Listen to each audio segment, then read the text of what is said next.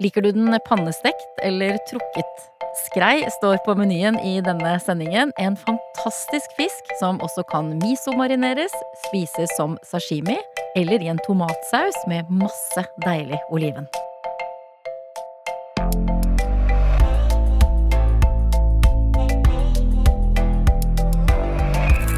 Velkommen til Matpratpodden. Jeg heter Katrine Ude, og sammen med meg i studio er det som vanlig to eksperter fra Matprat. Det er deg, Marta Ransborg. Hei. Hei sann. Så er det deg, Cecilie Maske. Hei, hei. Hei. Vi er nå midt i den deilige skrei-sesongen. Den har pågått siden slutten av januar. Ja. Hva er det som gjør skrei så spesielt? Så det er stor forskjell på skrei og kysttorsk. De er i nærslekt. Men skreien, den er jo en vandrer en, med stor utferdstrang, mens kysttorsken er en heimføring, skikkelig heimføring, som trives best i, inne i fjorden sin, i kjente farvann. Skreien, den kommer til norskekysten i eh, sånn mellom januar og april for å gyte. Og så eh, Og da har den reist langt. Altså, den, den skreid Skrei, skreid betyr vandrer. Og den vandrer hele veien fra Barentshavet og til norskekysten for å gyte. Og det er en lang, lang reise, og da blir den også veldig sterk, veldig muskuløs. Og den lever jo i veldig, veldig kaldt vann, så kjøttet blir sånn her fast og fantastisk eh, deilig. Og det er det kanskje som er forskjellen. Det er litt, litt forskjell i størrelse og sånn også, men ellers kan man nesten ikke se sånn direkte forskjell med det blotte øyet. Sånn Du og jeg kan ikke se forskjell på skrei og på torsk. Du kan vel det, du som er kokk? Så godt kjent er ikke jeg med, med skrei heller. Jeg må jo si det at altså, jeg er ikke noe jeg, jeg kan ikke trekke en masse kunnskap om skrei ut av ermet sånn uh, uten videre. Jeg har jo måttet lese meg opp på dette her, jeg også. Så det er ikke, det er ikke noen ting som jeg liksom går rundt og kan. Men jeg syns at det er utrolig morsomt, og jeg har lært veldig, veldig mye om skrei også ved å lese om det til denne podkasten. Det kan jeg godt si. Det er jo fantastisk spennende, for det her har jo denne fiskesorten gjort i tusenvis av år. Millioner av år, kanskje, vi vet ikke. Den gyter i norske fjorder, fra Møre til Finnmark hver fisk kan gyte over altså flere millioner egg. Og så er det en, en hanntorsk der også, selvfølgelig, som har melke, og så blir det her blanda til en deilig suppe, og så synker det her ned til bunnen, og der vil det etter hvert Altså, de eggene som er, som er eh, befrukta, og som ikke blir spist av eh, andre dyr enn andre fisker, de utvikler seg til yngel, og den yngelen lever der nede på bunnen et års tid. Og så, neste år, så vandrer den tilbake igjen til Barentshavet sammen med eh, de store, eh, store fiskene. Og jeg syns det, det, det, er så kult. Jeg syns det er så gøy. Skreien har jo fått det herlige kallenavnet kjærlighetsfisken. Hva er historien bak det, Marta? Nei, eh, kjærlighetsfisken det er et ganske sånn nytt begrep, eh, og kobles gjerne til da Valentine's Day, som er 14. februar. Ok, Så det er sånn salgsgimmick, da? Jeg tror faktisk at det er en sånn kampanje fra, fra um, eksportutvalget for fisk mm. en gang i tida. Ja. Nei, så, sånn som Cecilie sa, så kommer jo fisken sørover for å gyte, da. Så den er jo ganske kåt, kan du si. Å, oh, derfor er du kjærlighetsfisk, for den er så kåt! Ikke sant? Kaller kjærlighet. Men jeg vet at Cecilie, du har jo et annet navn på skreien, som ikke er kjærlighetsfisken. Ja, nei, det er bare jeg som syns det er litt gøy å kalle det for havets Rolls-Royce, for den er, jo, den er jo lekker, da. Den er så strømlinjeformet og vakker, og den beveger seg så flott i vannet, og den er liksom Ja, jeg syns vi kan godt kalle den for havets Rolls-Royce. Mm. Det vi også vet, er jo at eh, den er jo veldig kortreist, og dermed også bærekraftig. Ja, absolutt. Den er jo både kortreist og langreist, kan man si, for den har jo reist veldig langt uh, før den blir, uh, før den blir fanga. Etter det så kan man jo si at den er kortreist. Altså, den blir fanga langs kysten, og så blir den jo bearbeida og frakta mm. til butikkene, og så er den jo tilgjengelig med en gang. Samtidig så blir den jo også langreist fordi at vi, uh, vi eksporterer masse skrei. Men det kan vi jo ta litt senere, kanskje. Men den blir jo også veldig eksklusiv fordi eh, det med at den er kortreist, da, at den mm. fanges på såpass lite område. Det er så lite område i Norge hvor det er å få tak i skrei. Så det gjør jo at det blir veldig sånn kortreist, eksklusiv vare mm. likevel. Men så er det mye av den, da. Mm. Faktisk, når den kommer inn, når det er fiske. Det er jo det som legger grunnlaget for, for lofotfiske. Når den kommer inn til samme tid hvert eneste år, og da veit de, vet de at da kan det koke av fisk i, i fjordene. Og da er det jo bare å legge ut, da, og, og legge ut og håve inn. Mm. En, en skrei, den kan bli 1,5 meter eh, lang og ca. 45 kilo, eller en, det er faktisk, altså rekorden tror jeg faktisk ligger på godt over 80 kilo. Oi. Ja, det er en stor fisk. De det ligger ikke i frysehusken på Nei, det gjør det ikke, og den blir jo ganske grov i kjøttet også, så jeg tror ikke at det blir sånn produksjonsfisk kanskje når den Mm. fanges. Men, men de som kommer i butikken, og som også blir jo så store, svære, nydelige skiver, det er jo fisk som veier et sted mellom 8 og 15 kilo.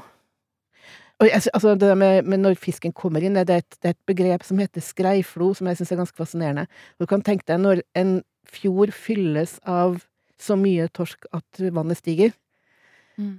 Jeg vet ikke om det stemmer helt, men allikevel, altså, det, det, det oppstår hvert år, eh, og forskerne vet ikke helt hvorfor.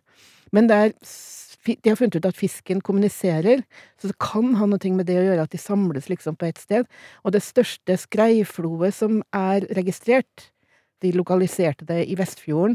Det var sånn to-tre kvadratkilometer stort, og det ble registrert over sju millioner fisk Mm. på det området. Det er heftig. Det er heftig, og hvis du begynner å regne, da, hvis du tar liksom at hver fisk veier ca. sånn gjennomsnittlig åtte kilo, så kan du begynne å regne på en kilopris på 100, 100 kroner. Mm. Da blir det ganske mange milliarder ut av det. Mm. Så det er lukrativt for de som er på fiske. Hva med sånn eh, De har en sånn eget begrep for, eh, for fiskelykke oppe i nord. Ja, hall. Si det en gang til. Hall. Festhall. Hall. Jeg sier det sikkert feil, jeg også. Men hall, det, det betyr god fiskelykke, og det skal man visstnok få hvis du har hatt eh, god sex før fiske. Så det gjelder å liksom ha seg før du drar ut på fiske, da. Er det noen som har testet det, eller er det bare tull? Jeg fisker ikke så mye, men man skal ikke kimse av den overtroen der, altså. Og fra overtro så går vi over til noe som er langt tørrere, nemlig tørrfisk. For det er en eh, stor eh, eksportvare for skreien. Ja, mye av skreien som fiskes, det ender jo opp som tørrfisk. Um, henges på gjeld for å tørkes i fri luft i sånn to til tre måneder. Uh, eller den saltes da tørkes til klippfisk. Så eh, tørrfisk eh, regnes som en av Norges eldste eksportartikler, faktisk. Uh, har vært eh, handelsvare siden middelalderen. Og klippfisken, da? For det er også en del av den. Jo, klippfisken den, kom, den ble oppfunnet noen år senere, sannsynligvis av spanske fiskere i Canada, som trengte en måte å konservere fisken på. Og så kom jo de til norske havner, og der lærte de opp nordmenn til å ta vare på fisken på samme måte. Og da blir den eh, ferske fisken salta, og så blir den lagt i tørk på klippene, og det er det som har gitt navnet til den. Det tørre produktet, det ferdige produktet både av klippfisk og tørrfisk, det er jo hardt som tre. Og så lenge det oppbevares tørt, så har det utrolig lang holdbarhet. Og da blir det jo lett å frakte med seg, det er lett å, med, altså det er lett å pakke og, og selge og alt mulig sånn, og så blir det heller ikke dårlig i varmen, for det er ikke noe vannaktivitet i det, så det ikke Det, det kan oppbevares lenge. Og så er jo resultatet når man vanner det ut og tilbereder det, så er jo resultatet fullt av næring, og det er smaksrikt og alt mulig. Så det er supermat. Mm. Dette har også blitt nasjonalretter i flere land. Ja da. Både i Portugal og Brasil så heter det bacalao, og er en del av nasjonalrettene. Eh, Det samme er jo i Italia, stoccafisso. Og i Nigeria heter det okporokoi. Og på Balkan lager de bacalar. Mm. Så det er liksom de, vi er spredd utover hele, hele verden. Dette er jo til og med så stort at det er et eget verdensmesterskap i skreifiske i Norge. Ja, det er det. Det er VM i skreifiske eh, siste helga i mars. Hvert år, faktisk. I Svolvær i Lofoten. Så da kommer det jo fiskere fra Ja. hele verden. Eh, Hva er det som kjennetegner en frisk og fersk skrei? Når du står i butikken, du skal eh, velge deg ut fra, fra disken der. Hva skal du se etter på farge, utseende, lukt, Mm. Det er, det er mange ting du kan se etter for å se at du får god eh, skrei i butikken. Eh, Det, det viktigste punktene er jo kanskje først å se på konsistensen. At fisken har en fast konsistens, og at eh, kinnet skal være sånn glatt og litt sånn sleipete. Ikke, ikke direkte slimete, men at det er litt sånn Det er, litt, det er ikke går an å kalle det for noe annet enn en slim, det som danner seg, som ligger på utsiden. mm. Men den skal være, skal, den skal være sånn, og den skal ikke være tørr. Hvis Nei. den begynner å tørke inn, så er det ikke bra. Men er det innafor da når du står i en fiskedisk og spør om å få lov å ta på den? Kjenner du på fisken, ja. Ja. ja. Det bør være greit. Jeg tenker også at uh, hvis fisken selges med hodet, det er jo ikke så vanlig at den gjør det, så kan du også se på øynene. Du kan se at uh, de er klare, og at de ikke er innsunkne. Uh, og så kan du også ta en titt på gjellene, se at de har den rødfargen de skal ha. Eh, og at fisken ikke minst lukter fersk, da. Den skal lukte friskt. Lukte hav. Lukte Mm. hav, rett og slett. Mm. Mm. Men det er ikke så vanlig at eh, skreien selges med hodet på, Cecilie. Nei, det er, vel stort sett at de eh, skjærer av hodet, for det er jo veldig stort i forhold til resten av kroppen. Og så er det jo dette med at eh, nordpå så er det jo en stor inntektskilde for, for barn, det å stå og skjære ut tunger. For de som er heldige nok til å bo i nærheten av et fiskebruk, så, så er jo det virkelig stor stas å få lov til å være med og begynne å tjene sine egne penger på å, på å skjære ut tunger, som er en delikatesse. Det Mm. kommer vi Ja, for du nevnte tidligere at man kan bruke alt på skreien. Eh, Tunga er jo en del av det. Hvilke andre produkter får man ut av denne fantastiske fisken? Nei, Først og fremst er det jo selve fisken da, som kan eh, selges hel, og så får du den i selvfølgelig skiver, som er det mest tradisjonelle, og som filet, og som loin. Eh, og har du en mulighet til det, så kan du kjøpe en hel fisk, for altså, jo mer man begynner å skjære ned, jo dyrere blir det produktet du kjøper. Så en sånn loin er jo mye, mye dyrere enn eh, en skive, for eksempel. Eh, så er det tunger og kjaker. Tungene blir jo skaret ut eh, av, av, av eh, unger ofte, og kanskje også kjakene. Det er jeg faktisk ikke så sikker på. Men kjakene er jo kinnet, da. Som er den mest liksom, kjøttfulle delen på hodet. Og de er jo kjempedelikate. De som små kamskjell omtrent. Og så er det lever og rogn. Det er jo kjempeviktig for å lage skreimølje. Og rogna bruker man også i, i produksjon av kaviar og postei. Og leveren er jo kjempeviktig for å kunne koke tran. Og så er det faktisk litt morsomt at svømmeblæra Hva sa du nå? Svømmeblæra, det er jo den som får fisken til å Altså at det at den kan gå opp og ned i vannet, eksempel. Oppdriften, liksom? Ja, ikke sant, det er den der hvis, du, hvis, du har, hvis du kjøper en skive med skrei, det har du sikkert gjort, så ser, så ser du ryggraden, og så ser du at det er en sånn der hvit ring, nesten, som går rundt der. Mm. Og den er litt sånn læraktig, nesten, og den fjerner vi jo. Og den svømmeblæra, den er kjempepopulær i Kina. Der betaler de flere tusen kroner kiloet. Og det er ganske gøy, og der tilbyr de den til suppe, eller de kan eh, bearbeide den, skrape den ren, og, og tørke den, og frityrsteke den, og da blir den som bacon. Sprø og kjempelekker. Har du smakt svømmeblære? Nei, ja, nei, jeg har ikke det. Har du smakt det, Martha? Nei. Har du lyst til å smake svømmeblære? Ja, hvorfor ikke? Riktig tilberedt, ja. Ja, selvfølgelig. Kjempespennende. Ja. Hodet er jo Jeg kan huske min farmor syntes at sånn ferskt hode, som ble kokt på samme måte som, eh, som skivene, det var for henne virkelig et super luksusmåltid. Ser grotesk ut. Smaker nydelig. Og da har du jo de her kinnene, eller, eller altså Kjakene. Mm. som er mest kjøttfulle, men også øynene. Samme som på smalahove, da. Ja, nesten. Mm. Det Ja. ser jo så gro grotesk ut, men Ja, det, det er jo utrolig ja. godt og Men det er liksom og samme måte å spise det på også, da. Mm. Eh, super Supergodt, faktisk. Og det med mye slutbygging og slafsing og smatting og suging og sånn som er der. Veldig lekkert. Og så er det bein og finner og sånn som er selvfølgelig som er er supert å koke kraft på, og avskjær og den slags. Mm. Noe går til også dyrematproduksjon. Skinnet. Du kan skrape skinnet og sprøsteke det. Eh, kjempelekkert å, å ha som sånn pynt på toppen av, eh, av Å ja! Men- sånne ja. seil. Ja, som Oi. sånne seil. Og det fantastiske er at du kan også garve skinnet, eller bearbeide det sånn at du kan bruke det i produksjonen av sko og vesker, for eksempel. Så det er også en greie. Skreiskinnsko. Mm. Skreiskinnsko. Jeg har faktisk tenkt å kjøpe meg et par. Det er en produsent på Island som driver med det. Så gøy. Ja, kjempekult. Og så er det folk melken fra hannfisken, altså sæden. Den kan man også tilberede. Hva må man lage med den eh, Den kan frityrstekes.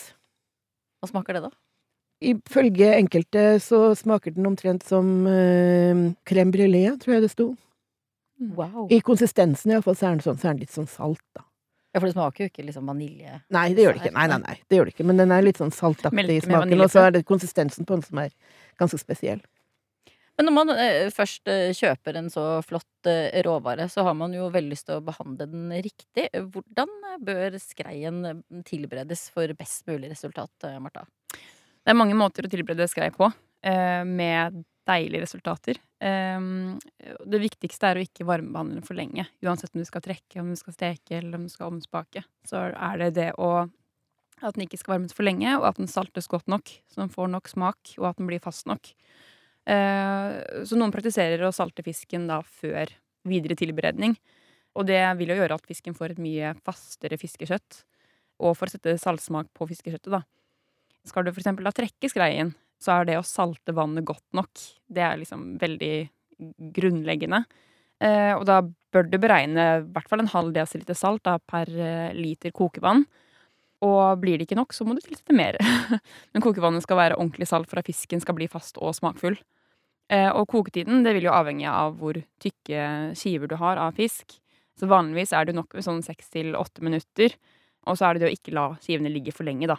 Men du vil merke at eh, de er klare når fisken begynner å flake seg litt. Så vil du merke at fisken er klar til å spises. Når det blir sånne nydelige sånne tak.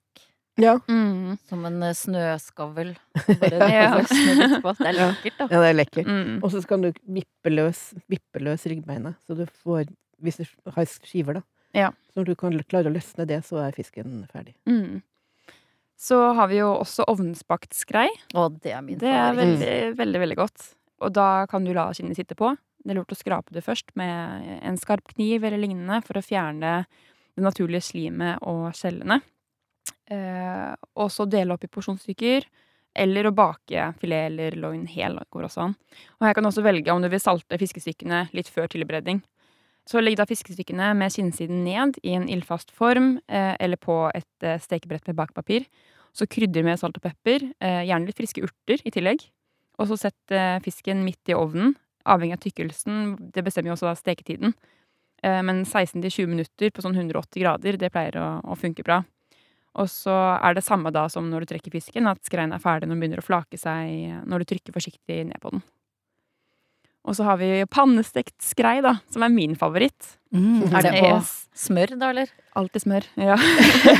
Ok, da bytter jeg. Da tar jeg den. Jeg elsker smør. ja.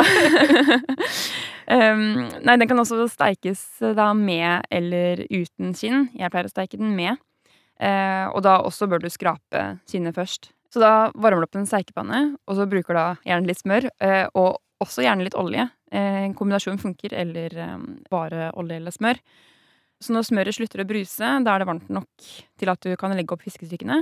Så legger du med kinnsiden ned og steiker i sånn fire til seks minutter, avhengig av hvor tykke fiskestykkene er. Og så snur du da forsiktig og steiker videre i to-tre minutter. Og så mm, kan du også bruke en skje da, til å øse over litt av fettet eh, over fisken. Så du får eh, en god smak på fiskefiletene. Så dette var tre måter å, å varmebehandle Mm. fisken på. Eh, Åssen er skreien eh, rå, Cecilie?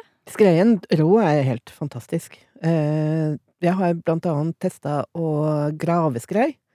Eh, veldig, veldig godt. Eh, som, i sånn, akkurat sånn som man graver laks, faktisk, med en sånn blanding av salt og sukker og pepper og en skvett akevitt.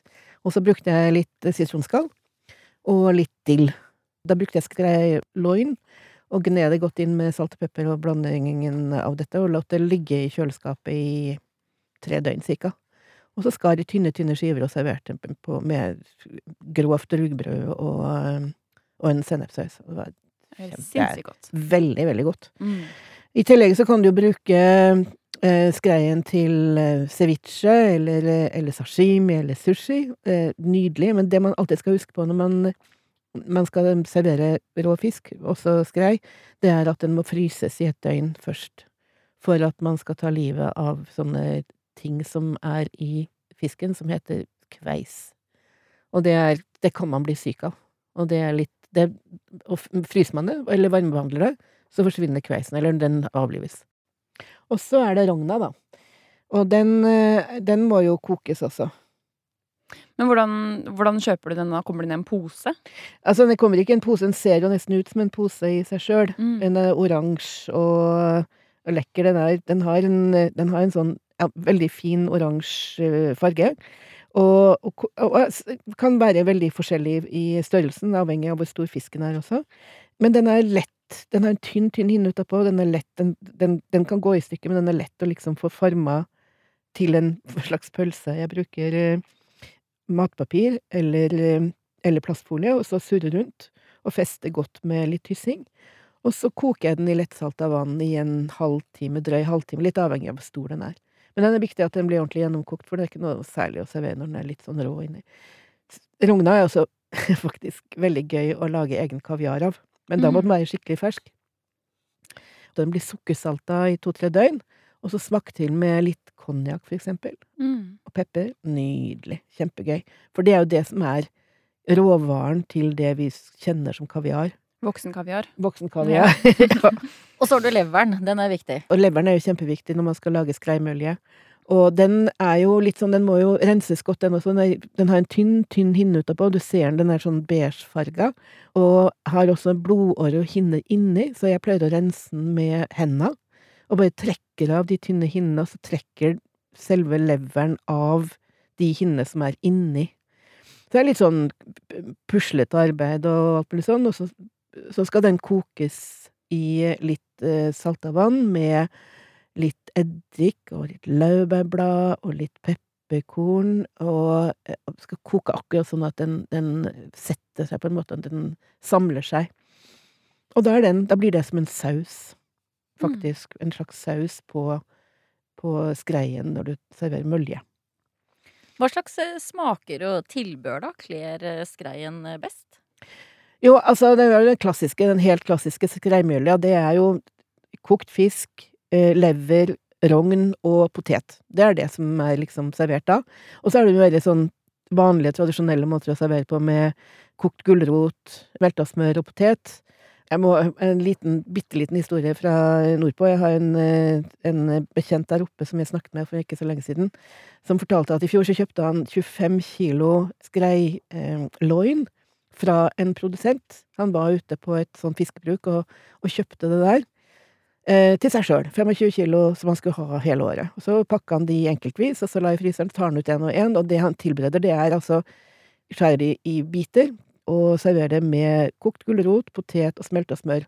Når han har gjester, så lager han litt hvit saus i tillegg. Og det er liksom, det er det. Og så sa jeg, men det er jo fantastisk råvare, du kan jo gjøre så masse mer med den.